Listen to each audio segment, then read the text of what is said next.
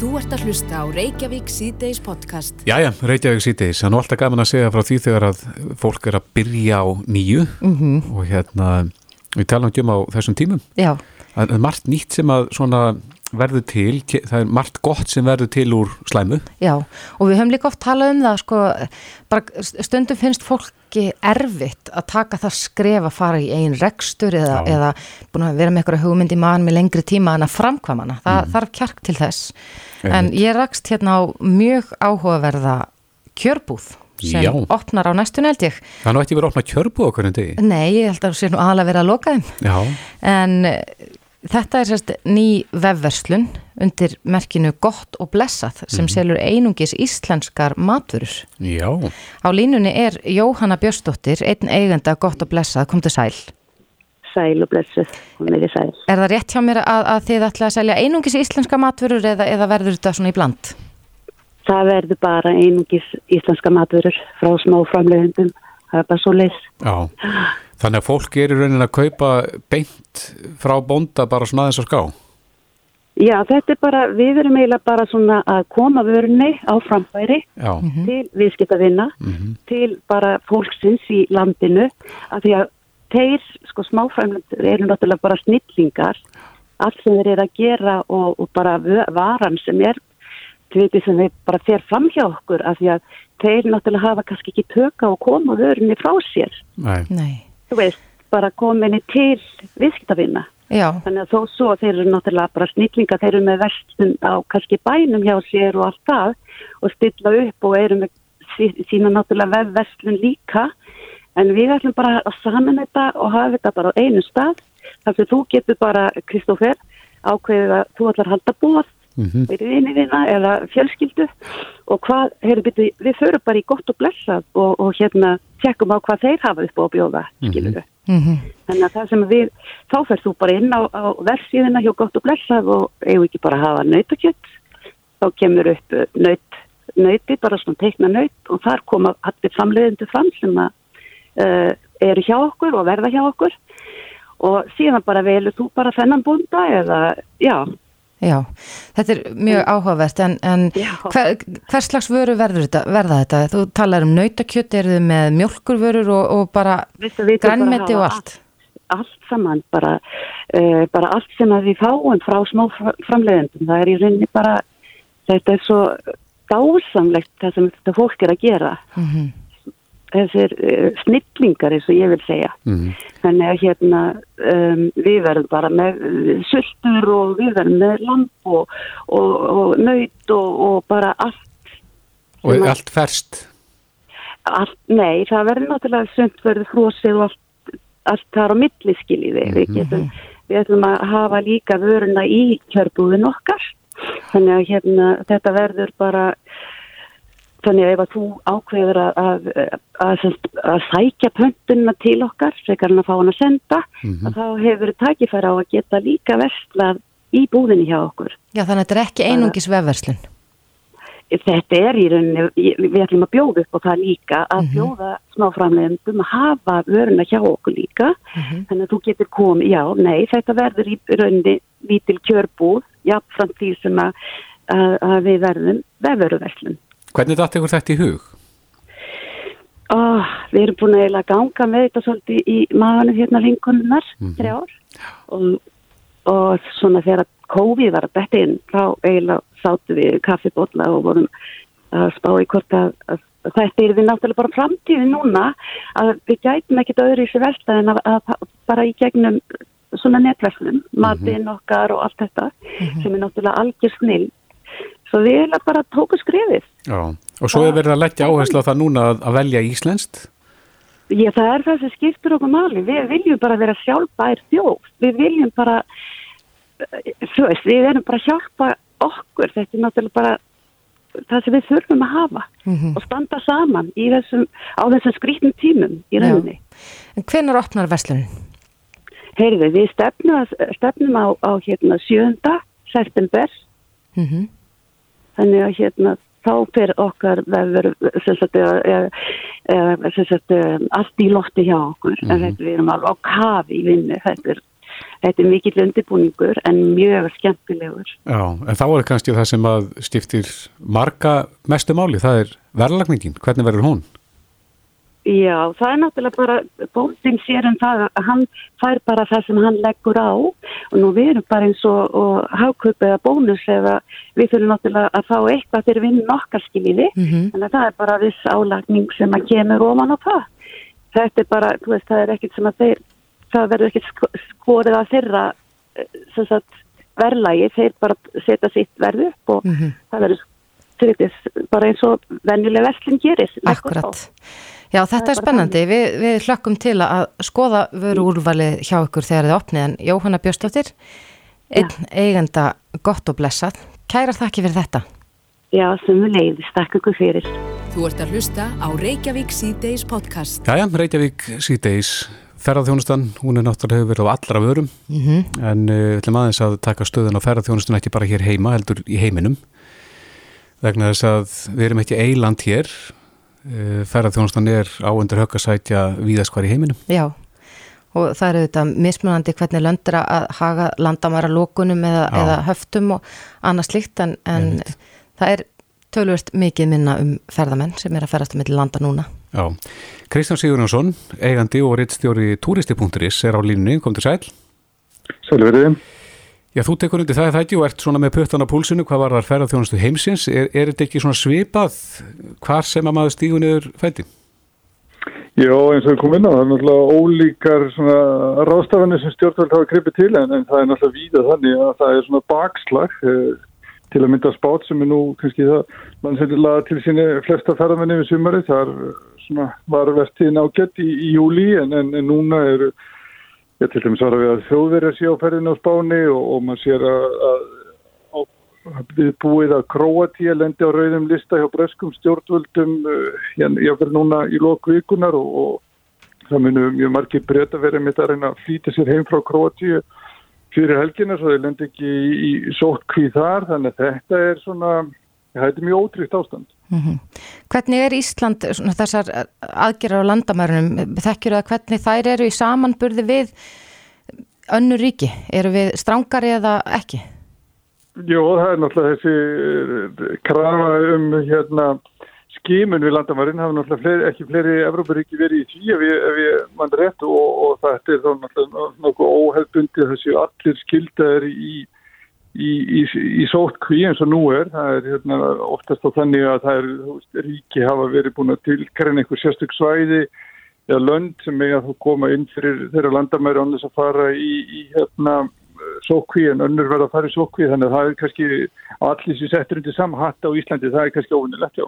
Já, þú segir hérna í fréttin á síðunniðinni að, að eh, einhverju hefði nú skrópað í flugið í gær á leginni til Íslands Já, það verið stjórn sem að þrýðjungur þeirra sem áttu bókaflug til Íslands í gær hafi bara einfallega hægt við. Það er að segja, hafi séð að þeir þyrft í sótkvíðar kemur til landsins þannig að það hafa, þá um 2000 mann sem bara ákveða að sitja, sitja eftir heima þannig að og þá þessir þúsund sem komið til landsins, það er spurning hvort að já, margir þeirra hafi verið bara ístættika búsið í útlöndum og hafi verið með þetta koma heim og og þá skiptir þetta kannski ekki alveg öllu múli að þurfa að fara í, í sókvinna því en fyrir marga ferðamenn þá sittur þetta vissulega strikki reikningi.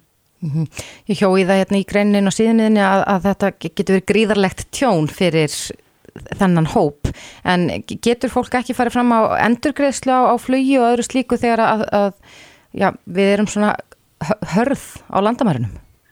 Nei, það verðist sko ekki verða það. Þeir sem eru að ferðast algjörlega á eigin vegum og hafa þá bara sjálfur ákveð að mæta ekki í flýið. Þess að flýið fór, er bara þeir sem átti bóka að fara með, já, Íslandi er farað að kaupa hann, þeir hafa bara hérna, ákveð að skrópa en velinn fór og þar alveg er kannski flugfélag ekki hérna skilt til þess að greiða skadabætur eh, samkvæmt því sem ég kemst næst en öðru máli gegnir þá sem hafa kannski verið með alferð svo kalla hafa sérst verið búin að kaupa að ferðarskýrust og flug og hótel eða bílalegu bíl og þess aftar að þeir eiga þá mögulega já, rétt á að krefja stendikrislu frá ferðarskýrstunum sjálfur en þetta setur náttúrulega öll svona neytinda mál í já, þetta er bara allt í lausi lofti í sjálfur sér. Já, en hver er staða flugfélaga í heiminum almennt í dag? Hún er náttúrulega bara gríðarlega slæm við erum styrrað. Það eru fæstir að hérna, já, eins og talaður um, uh, fæstar flugferði skila einhverjum afgangi, þess vegna komið nú svolítið óvart að ætla þeir gaf út að fluga állum félagsins og starfsefni núni í sumar hafi verið ég, er rétti með við núlið ef ég skildi það rétt þessa tilkynningu þannig að það er náttúrulega í sjálf og sér nokkuð merkilegt en annars eru flugfélög bara já, að róa lífróður og, og, og reyna þá að hérna fá stuðning frá hennu ofinböra eða, eða hérna fjárfustum. Já, en svo er annað flugfélag sem að býður bara ádekta, það er Play Eh, eru þeir ekki að byrja með svona nokkur hreint borð þannig að séð? Jú, það flugfélag hefur allavega gefið út að það var, sagt, já það er náttúrulega ekki orðið flugfélag en það félaglega hefur stemt á því að hefja flugreistu núni í haust en, en þeir hafa gáðið það nút í síðustu viku að það væri kannski vænleira að býða til volsins eins og við farið núna þá er ástandi akkurat í dag ekki þannig að fólk er að ljúka til og kaupa sér flugmiða fram í tíma. Nei og þeir hafa verið í mannaráningu núna upp á síkastið? Já, já, það hefur verið að bætast við þannig og það er að leiðandi náttúrulega eiks kannski pressan á að byrja og, og fá einn tekjur því það kostar náttúrulega að vera með fólk í undirbúnisinni í fullu starfi. Það segir sér sjálf, það komið fram í máli stjórnarhólfsplay fyrir sumar, það kostaði um 30-50 miljónir á mánu að reyka fyrirtækið, að þetta eru náttúrulega að stofnast upp mm -hmm. yfir lengri tíma. En þóra menn eitthvað að spá fram í tíma, Hva, hvað endar þetta? Var segja, var, varðandi flugið og hvenar fer þetta almennilega stað? Já, það er margir eins og til dæmis Forsvarsmenn United flugfélagsins bandaríkjanu, þeir segja að það verður ekki fyrir að bólega finna að tekjur þess félagsverði meirinn helmingur af því sem var áður en að faraldurinn hóst. Þannig að það segja okkur kannski ákveð, sem gefur ákveð að mynda því hversu ég dögt útlitið er þángar til að, bólefni finnst og, og fólk uh, ég hefur kerkið að ferðast á ný, alminlega. Já, en e, maður hefur verið að rifja svona þessu upp hvernig staðan var hér svona fyrr í sömar, þá fannst manni svona þegar landi var orðið veiru frítt, fólk var að fara alls svæti og, og innlend ferðarþjónust komst aðeins af stað aftur. Heldur þetta að hafi verið mistök að e, opna svona fyrir?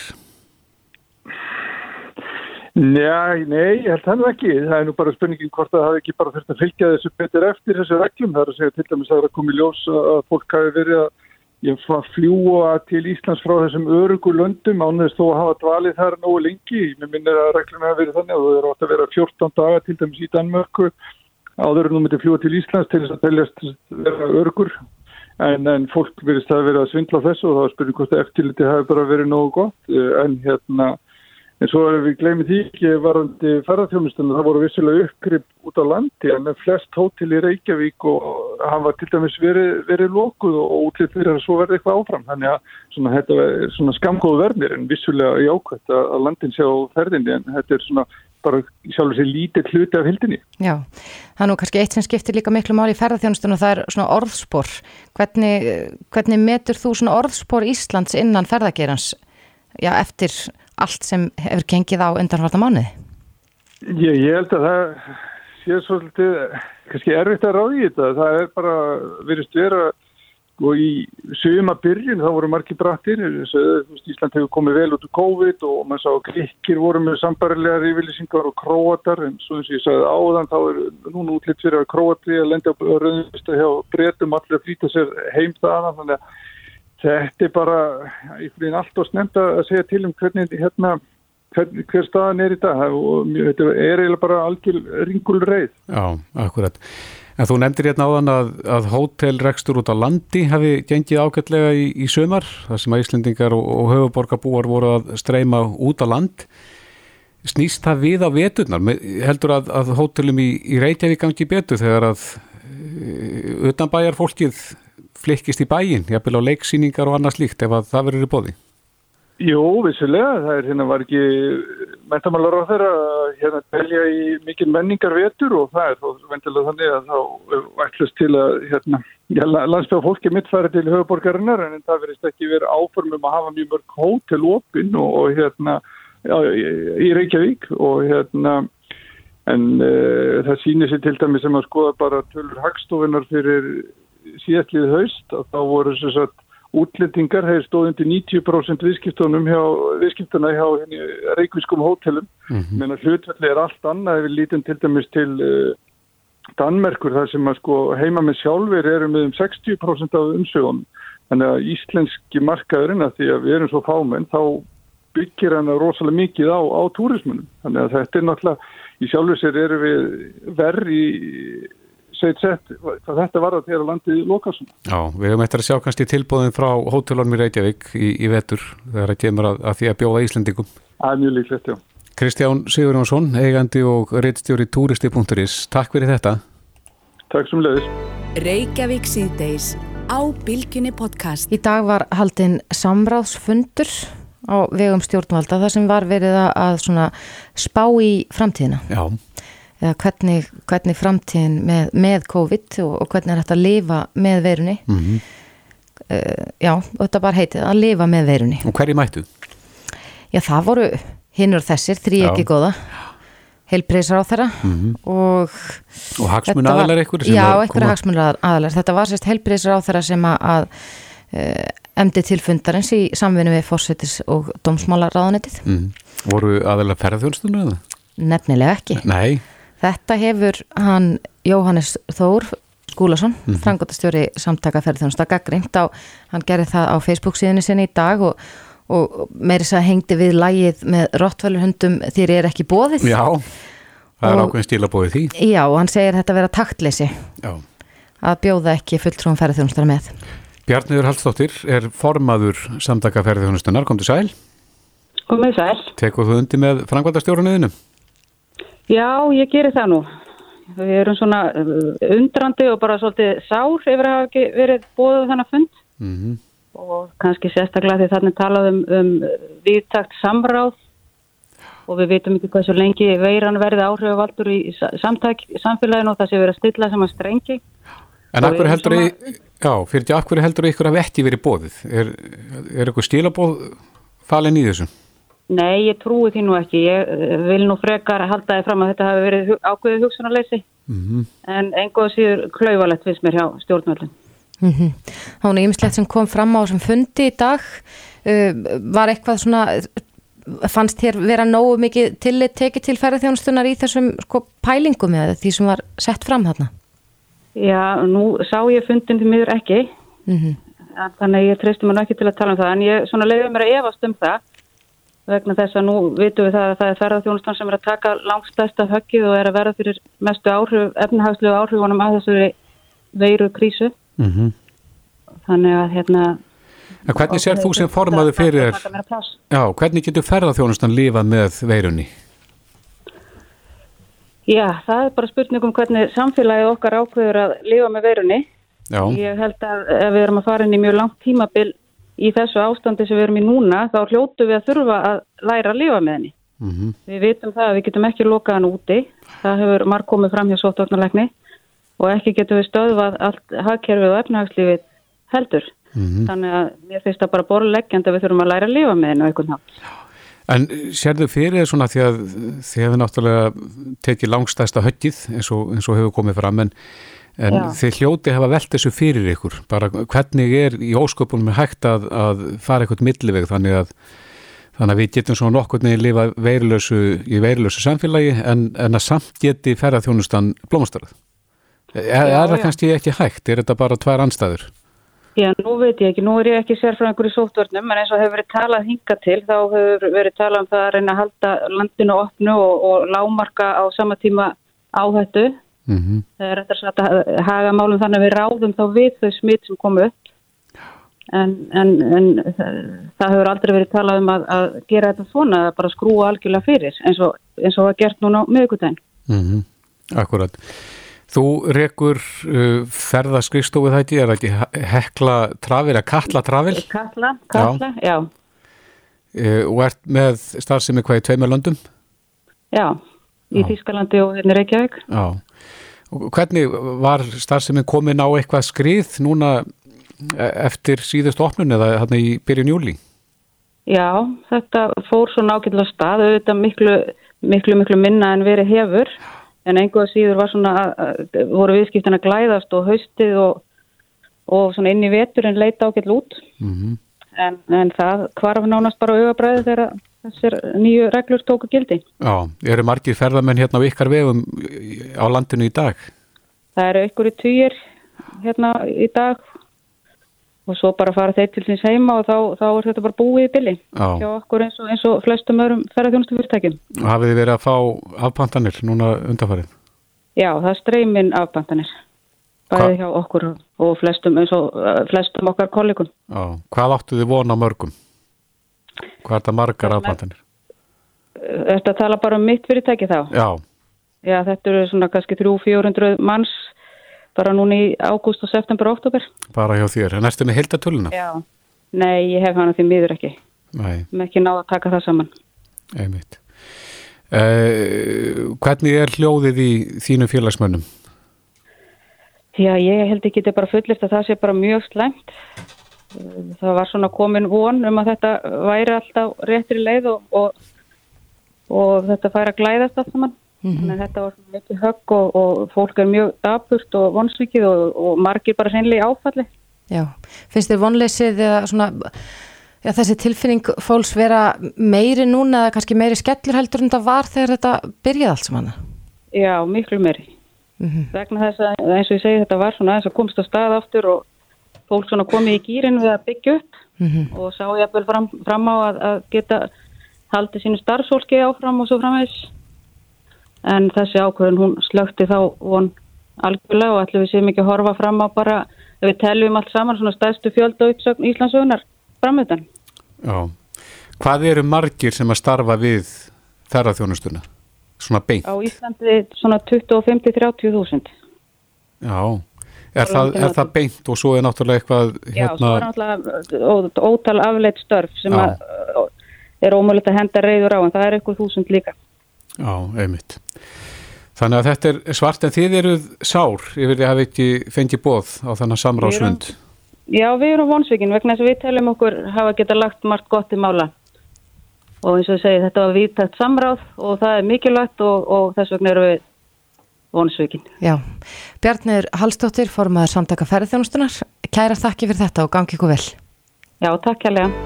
Hlustaðu hvena sem er á Reykjavík C-Days podcast. Reykjavík sýtis á bylginni, Já, það eru margir að spá í, já, hvað gerist næst? einmitt. Nú er, ég held að það, flestir sé farnir að átta sig á því að, að veröld sem var kemur ekkit endilega aftur. Nei, Að, að framtíðin gæti verið nokkuð ólík því sem við þekkjum. En það er akkurat í svona ástandi sem að fólk er að finna lausnir á ymsum málum, vandamálum. Tæknin er auðvitað þar mjög, já, svona ríkjandi. Einmitt, akkurat. Og það er einhver snerti fælni í fólki, ma maður sér það, alveg Kannski sama hvað maður kemur, já einmitt, þú veist, það er fólk er að opna hurða húnna með olbúanum og, og jafnvel með liklum eða síma í liftum til að íta á takka og annað slíkt. En uh, það er náttúrulega verið að hugsa eins og leiði til þess að koma til móts við þennan óta. Já, en þetta er spurningin, hvenær mun ferðarþjónustan blómstra á ný og, og konan með svarið, held ég, er hún Inga Rós Antoníusdóttir og hún er verkefnastjóri stafrætnar þróunar hjá ferðamálastofu. Kom til sælinga. kom til sæl. Já, þú skrifaði hérna, óska að væri svo gott að ég hefði svarið. nei, þú hefur ekki svarið, en, en, en þú, hérna, við lásum áhugaverðan pistil sem þú skrifaði hérna á vísi.is, þar sem þú ert svona að tala um, já, stafræna þróun í, í ferðarþjónustu og, og svona snerti lausan ferðamáta. Um hvað snýst þetta? Það er þetta, eins og kemur fram að í greini, það er þetta ekkert okkar sem getur svarað í hvenar nákvæmlega ferðarþjónustan hvar sem er í heiminum fara að blómstra á ný. En það er engin spurning að við sjáum, hvað maður segja, við teikna lofti um hvaða sé sem er skipta mestu máli þegar ferðarþjónustan fer að stað og landamæri opna í auknum mæli og svo framins. Mm og það er þessi þörf fyrir öryggi hjá ferðamanninum, kannski fyrst og fremst. Að við getum svona ímynda okkur að á þeim tímum sem framöndan eru þegar ferðamann fara að ferðast aftur, þá verða það svona aðri hlutir sem muni skipta mest í vali á áfangastöðum. -hmm. Og þar eh, ekki hvað síst eh, kemur fram að gesturinn auðvitað vill eh, tryggja það, eh, ekki bara fá fullvissu frá eh, stjórnvöldum eða í einhverjum skýrslum um að viss áfangastæður sé örugur, heldur vill hann geta það sjálfur með þessum atriðum. Mhm. Og, og þar koma svona hlutir eins og sjálfvirknivæðing, uh, snertilaus þjónusta og svo framvegs mjög stert inn. Er þetta eitthvað sem að þið hjá ferðamálastofu eru að skoða? Maður veitu þetta að það hefur verið mjög mikil þróun í, í svona tækni á undarförnum árum. Já, svo sannarlega. Við höfum sett okkur að markmiði að reyna að efla bæði þekkingu á þessu sviði og þar alveg til þróun á þessu sviði í íslenskri ferðarþjónustu umtalsvert. Það hefur verið gífurlega skortur á þróun í íslenskri uh, ferðarþjónustu þegar kemur á tæknilegsnum mm -hmm. þó að mhm. það sé vissulega margt að vinnast mjög vel og mjög hratt. En uh, það eru þetta tækifæri sem fælst núna í þessum breytingum og, vissulega líka bara gífurlega þörf á að taka til í þessum álum og svona átt að sjá því og fara í þessa farvakareiningu og bara mati á stöðinni hverju fyrirtæki fyrir sig. Mm -hmm. um, hva, hvernig erum við stöð? Hvernig erum við stakk búin til að taka við ferðamönnum sem vilja gætna geta upplifað uh, meira að minna snerti, voru það, snerti lausa ferla og, og ferðalag allt frá því að þeir bara stíga út úr dyrunum heima hjá sér mm -hmm. og fara svo með hvort sem það með almenningssamgöngum með leigubíl út á flugvöld, tjekka inn á flugvöldlinum fljúa, fara í gegnum örgislið, skrásin á hótel eða annan gististaf og svo frammeins. Inga... Helst án þess að þurfa að taka við eða taka í hendina fólki. Sko. Getur þú nefnt okkur svona, hva, hvað er það í dag sem við erum að gera, það sem mætti breyta til, það sem mætti gera kannski ferlið snerti lausara? Já, eh, ég menn ef við horfum á gististafina sem dæmi, mm -hmm þá er þar ansi mikið af möguleikum í bóði sem snúa bæði snertilausum eh, innritunar leiðum að gesturinn getur til dæmis bara skrásin og herbyggi sitt í, í gegnum app í símanum mm -hmm. og fengi þá kóða og, eða skannas uh, við erum líka að horfa á það að öll svona andlitssekkingar forrið séu auka skifulega þannig að maður getur vel ímynda sér það að það verði meira um aðgangsstýringu bæði sjáum þetta á flugvöllum í hérna, landamæra eftirliti til dæmis að maður getur látið skanna vegabriðið sitt og svo sé augn eða andlitskanni sem að myndi uh, réttmæti hvað maður segja vegabriðsins mm -hmm. og manni mhm. sér hleyft í gegn og sama getur maður ímynd sér á, á gististöðum og, og bílalegu bílum jafnvel, nú eru nú þegar margir vísverum heiminn sem nýta sér það að taka svo kallega deilibíla sem er raunin bara bílalegu bílar eða leigubílar sem að þú getur bara tekið á næsta hotni þar sem að stendur slíku bíl og opnar hann með appi í símanum og, og appið staðfestir að þú sér þú og, og svo manneskið sem eigi umrætt kreditkort og, og sé skráður með þess að andlitssekkingu, bara mm -hmm. sama mekanisma í rauninu og símin okkar er að nota hjá flestum. Já, en eh, já, núna er kannski sá tími sem að, að ferðarþjónustan á mjög mikið undir högg að sækja það er lítið um ferðalögu og slíkt en, en er þetta þá réttur tími til þess að finna upp á þeim lausnum sem að, að munu koma í kjölfarið? Svo sannarlega. Það er þetta engin vafi að ferðarþjónustan er að kljást við gífulega erfiða tíma núna og það kemur auðvitað efnaðslega mjög sterklega niður á greinu og vissilega getur verið erfitt að segja það á sama tíma fólki að leggjast út í slíkar fjárfestingar. Mm -hmm. Það er hins vegar í mínum huga engin vafum það að það er það sem þarf til til þess að við verðum samkjöfnishæf uh, þegar markaðinir taka við sér og við þetta höfum nú þegar upp á svo margt gott að bjóða ekki bara okkar stórfenglu náttúru heldur líka þess að viðáttu og svo mörg atrið sem einmitt spila inn í þess að öryggiskent og það að fólk vilja ekki vera í stöppuðum, lokuðum rýmum í, í stórborgum og þess aftar. Mm -hmm. Þannig að íslensk fyrirtæki ætta að... Þennan þátt. Já. Alveg klárlega. Akkurat, þannig að þau ætta að taka þínum, já, svona hilræðum og, og að byggja upp þetta innan sína fyrirtækja til þess að vera meira heillandi þegar að, að já, COVID hættir eða verður farið. Það er spurning, þetta, þetta snýst bæði með upplifanir ferðamanna en ekki hvað síst líka hagraðingur ekstri. Þetta mm er oftast þegar holminni komið talsverðu spartnar sem fælst í þessu frekar en að vera með starfsfólk til að finna uh, öllum þessum uh, svona, uh, hvað maður að segja, þeim hluta starfana sem auðvelt er að snúa upp í stafranarlösnir og nýta þá frekar starfsfólkið í þau atrið sem við getum ekki ennum verið að nýta upp og, og teknilösnir í. Mm. Er verið að þróa þetta núna? Þar sé veistu til þess að það sé verið að þróa þessa lösni núna? Svo sannarlega, það eru Íslands hverjafjónustu fyrirtæki hvaðan það var á landinu að vinna í því að efla sínar sjálfvirku lausnir og snertilösu lausnir. Eh, þetta við eins og segi bæðum gististæðina og bílaleigurnar að vinna í alls konar tæknilausnum Um, og svo sannarlega á þetta líka við um, hvað maður að segja, hérna, söfnin og, afþreyingu annars. Já, akkurat. Það er mjög mikil þróun sem betur fyrir í gangi en betur maður duga skal og nú er um að gera nýta hennar tíma þar sem að við erum því miður ekki að drykna í ferðamannum á meðan Einmitt. til þess að leggja draugin að, að framtíðinni. Já, Inga Rós Antoníustóttir, verkefnistjóri stafrætna þróunar hjá ferðamálastofu. Kæra þakki fyrir þetta. Kæra þakki sem er leiðis. Bless, bless. Bless. Reykjavík síðdeis á bylginni. Jæja, Reykjavík síðdeis. Íslendingar eru nánast allstaðar. Það er, það er nánast sama hvert maður fer á jarðakringluna. Þú finnur alltaf einhvern Íslending. Já, það er þannig, við dreifum okkur víða. Já, en uh, staðan eins og heimsbyðin hefur tekið eftir þá hefur staðan í þessum COVID-málum verið ansið slæmi í bandaríkjónum. Mm og uh, ég veit ekki hvort að þetta sé nú setni bildja eða hvort að þessi fyrir bildja er bara enna ríða yfir þarna þetta er náttúrulega stórt land Já, það hefur ekki komið, það hefur reynir verið lítið dalað faraldurinn þar eins og hann gerði hér á landi. Já, en ég held að við Íslendika getum nú prísa okkur sæl af, af, af því hvernig málum er hátt að hér á landi. Ég held að við séum nú með törvöld meira frelsi en margar aðrar þjóðir. Já, einmitt. En uh, staðan er slæm og hún setti fæslun á fjöspókjuna Guðlu Helga Guðlustóttir sem að býr í Tennessee í bandaríkjónum, eh, býr þar á samt manni sinum sem verður læknir skilst okkur. Eh, Guðlu Helga er á línunu, kom til sæl. Blessar og sæl. Er staðan hjá ykkur þarna í Tennessee núna, hver er hún? Já, bylgjan hefur einhvern veginn ekki náð sér held ég enn á stryk og það hefur ekkert náðst að náðst að ná völdum á þessar útbreðslu. Þannig að við erum bara, síðan í, síðan í mass hefur bara verið hér heima. Já, Bönnu voru sendt heim, heim í mass, byrju mass og við höfum bara verið heima síðan þá mm og, og það er bara, það er bara ekkert að frétta. En því. e hefur verið einhvers konar útgöngubanni eitthvað slíkt eða, eða eru þau nokkuð frjálsferða eitthvað á því Við erum svæði sem þú býr? ferð okkar og, og, og hver og eitt ræður svolítið sínum ferðum hér.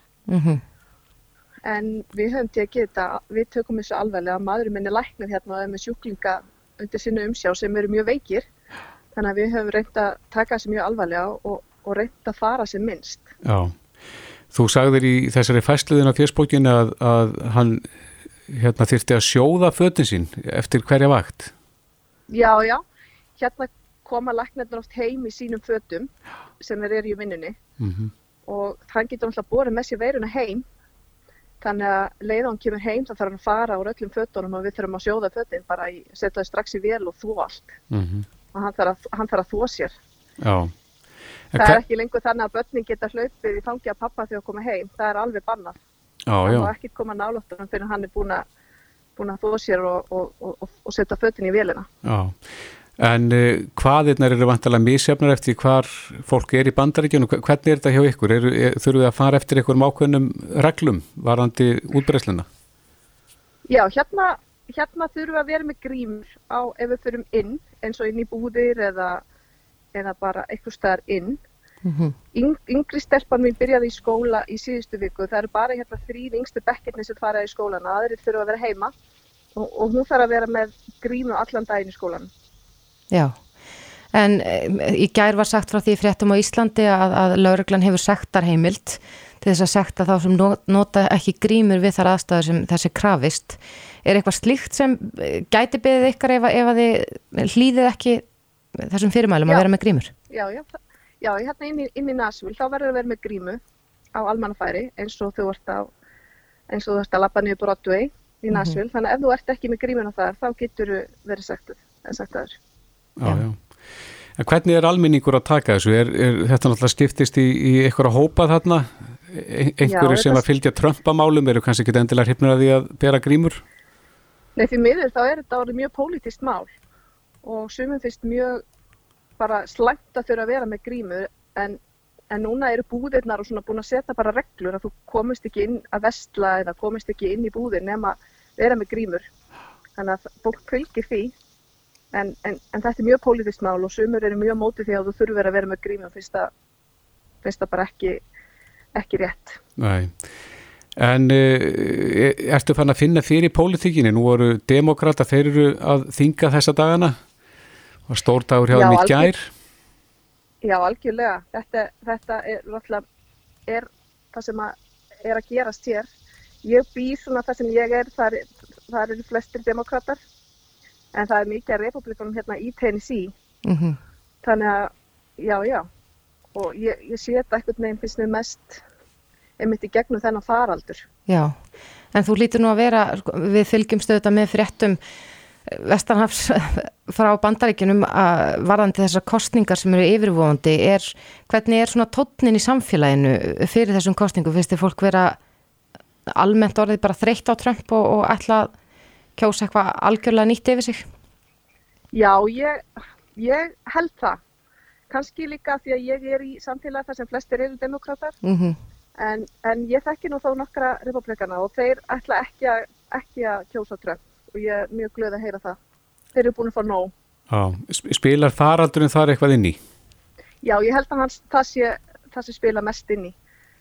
Það Viðbröð hans þá? ekki, það hefur ekki verið neinn stjórn í landinu til að taka stáðina faraldur og, og fólk finnst það fyrir ekkar svona í lausu lofti og það spilar held ég mjög mikið inn í. Já, en uh, það hefur ekkert verið í, í kortunum með ykkur að á meðan þessi faraldur íður yfir að, að koma heim? Jú, ég hef aldrei haft jafn mikla heimþrá og núna. Mhm. en maðurinn minn er bara í fínni vinnu og við eigum hús hérna og við erum svolítið föst. En við tökum bara núna eina, eina viku í einu sko, dóttir mín eldri hún er ekki í skólanum, hún er tíu ára og þarf að taka svona zoom, zoom tíma hérna heima og það gengur kannski ekki allt og vel. Þannig að við erum bara svona að taka eina viku í einu og sjá hvernig það fer. Er námið að einhver leiti sett í, í hendur fóreldrana þegar ástandið er svona? Já, þú gast, já, ég meina þegar krakkarnir eru svona heima og, og, og þá þurfaðu þetta hjálp frá fóluldrum. Mm Sérstaklega þau eru lítil, sko. Hún er, hún er í fymtabekk, þau eru alveg frá þriðjabekk heima og auðvitað þurfaðu hjálp. Þau get ekki setið, þau setja allan daginn frá 8.45 til 3 yfir tölvinni og auðvitað þurfaðu hjálp frá fóluldrum. Já. En lífið er töluvert breytt í dag hjá okkur, svona með hvernig það var. Já, lífið er, lífið er rosalega breytt. Við höfum að mestu bara verið hérna innan hverfisins í nær sex mánuði og þetta er búið að vera mjög einmannalegt. Já, Það er mjög einmannalegt að vera bara heima og allar helgar og fara ekki neitt og gera ekki neitt og, -hmm. og þetta er bara mjög mikil breytinga á lífsgæðu. og ekki mikill samgangur á milli fólk sem að þekkist þarna innan svæðis. Nei, fyrstu tvo mánuðina var nú eiginlega bara engin samgangur á milli neins. Allir heldur sér bara svona heima. En, eftir, en núna er svona aðeins fólk sem býr hérna bara í sömu götum, í- eins og í minni götu aðeins fara að hittast og börnin aðeins fara að leika saman. Mm En, en, en mína stelpur eru til dæmis ekkert að leika við alla krakkana í skólanum eða vinir sem þar aftur sem búa ekki nálagt. Nei, Það reyna allir bara að halda sér við sömu krakkana og sömu vinina. já.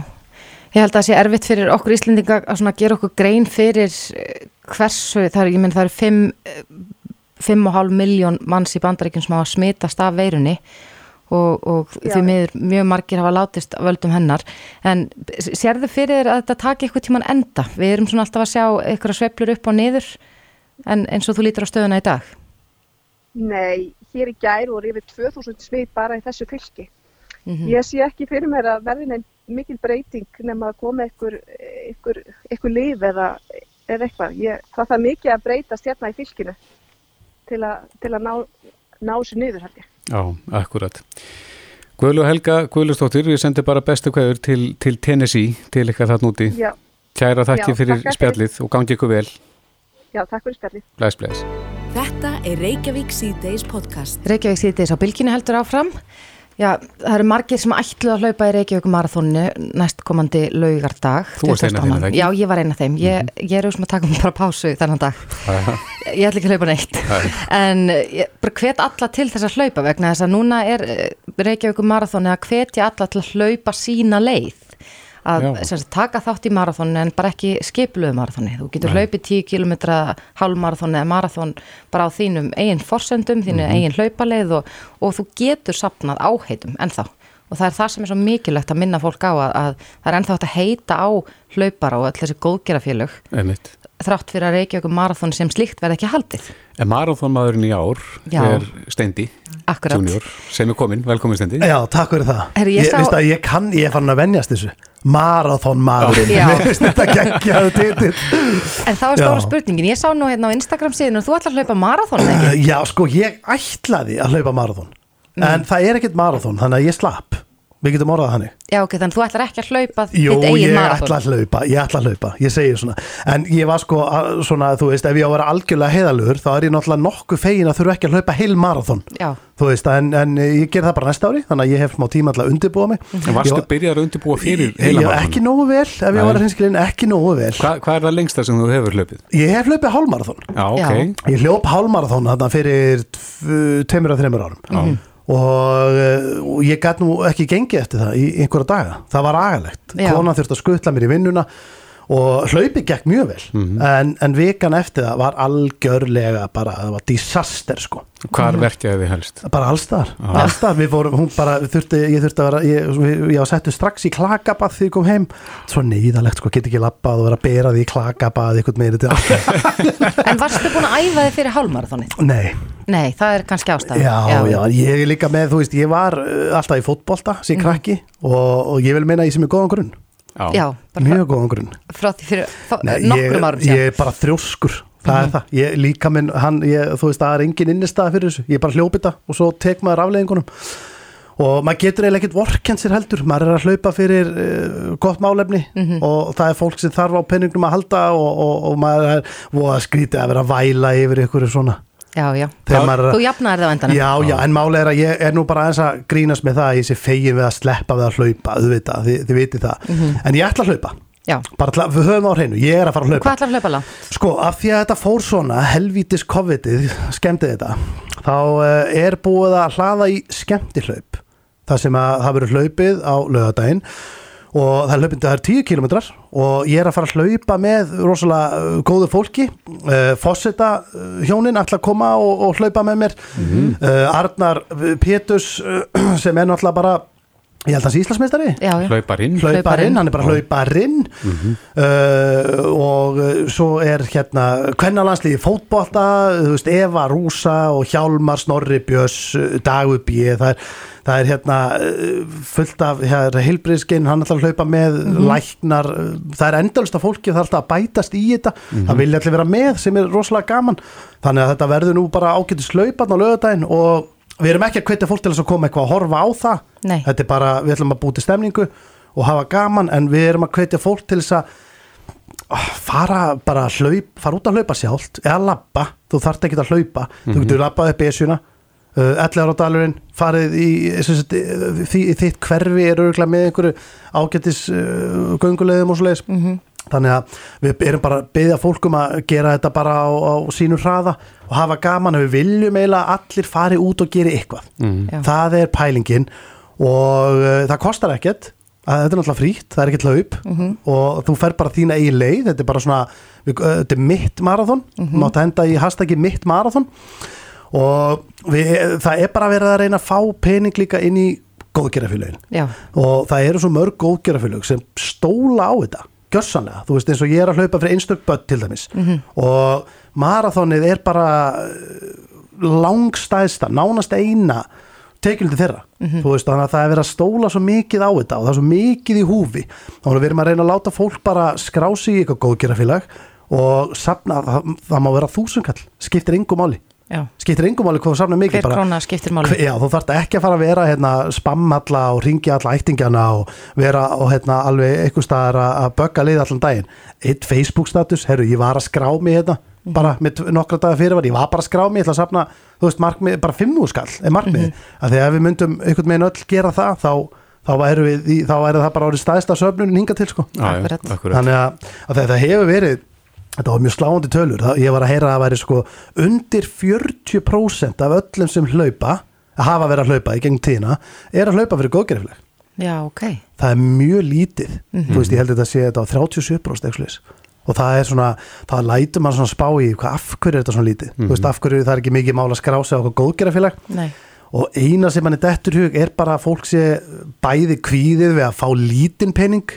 Þú veist, það finnast eitthvað neyðalegt að vera bara með eitthvað 5.000 kall og nenna kannski ekki að fara í eitthvað svona þú veist að hérna spamma allar hérna allt social mediaðið sitt sko. Já, hrætt við samanburðin kannski. Já, þannig að, hérna, þannig að þú veist, við verðum eiginlega svolítið að losa þennan stimpil af þessu að það þurfa að sapna alltaf hérna bara einhverju miljón sko, Já. þú veist, við erum ekkert í því þetta er bara 5.000 kall, allir að sapna það getur rauninni allir lagt bara inn okkur annan þá Já. er þetta komið sko En það er, þetta er kannski aðeins öðruvísi núna, það er allir á, á sko sama plani Já, og þú ert að, þarft ekki að, að keppa við Arnar Pétursson í, 10 kilometrum. nei, nei, nei. þú getur bara farið út að skokka og, og skráði til leiks inn á hlaupastyrkur.is. Ég veit og það, þú veist og það hefur ég held að flest allir sem hafa verið að taka þátt í Reykjavíkumarathonu hinga til ég held að fl- 90% af því fólki sé nú ekkit endilega að keppa við ykkur tíma Nei. ég held að þetta sé alveg bara gaman fólk er að taka 10 Stemningin. km 10 km er langvinnsalast þú veist það er krakkahlaupið og allt þetta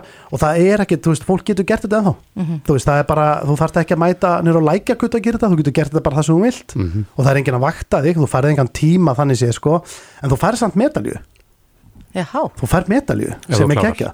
þú fær nefnilega að það var verið að gera Instagram filter sem er geggjaður og þá færðu það er búið að gera hérna, sem sagt Reykjavík marathoni þú fær svona þú, þú veist, þegar þú setur filterin á þig þá færðu svona ennisband, neða svitaband sig já, og fær medalju og, og þá getur þú postað því, ég Já, hljóp. Ég ok. hljóp, Gætjað. þannig að Það fólk er hljómar vel. til þess að, að posta því á lögata en eftir að það hleypur, þá fær það medalju en já, þetta snýst bara um að fá í kassan þú veist, að láta góðgera félagin þetta bitni ekki á þeim. Já. í ár. Ekki að- mikið og það mun, það mun alltaf bitna þeim en Já. ekki jafn mikið. Þú ert Það er flottur marathómaður já, klárlega. Það er hægt að heita þig á þig, ekki satt? það er hægt að heita mig inn á, já, hlaupastyrkur ég ætla að hlaupa fyrir einstök börn og, og ef ég fæ svona aðeins að plugga því góðgera félagi aðeins, þá veit ég að þau þeim sárvanda peningin Mhm. Þannig að ég ætla að, að hérna, hvetja alla til þess að leggja inn á mig takk fyrir. Allavega þúsund kall eða eitthvað. Og það komin nefnilega svolítið óvart að ég fór og hitti um daginn og var eitthvað að spjalla þau að unga fólkið er duglegast að, að, að styrkja það góðgerðafélag, einstök Já, já. börn þegar þau hafa verið með ykkur sölubása í kringlunni uh, og verið kannski eitthvað svona þú veist að reyna að fá einhvern peningin þá er það unga fólkið. Það er, mér finnst það heldur merkilegt. En þú hvetur eldra fólk til þess að ég ætla að hvetja eldra fólkið til þess að fara að opna veskið og hætta að vera svona eigingjönd Mhm. Já, Ha, og það fór engin til útlanda, það er allir á pening. Já, Steindi, uh, gangið þið vel á lögadaginn Já, takk fyrir það. Reykjavík síðdeis á Bilginni podcast.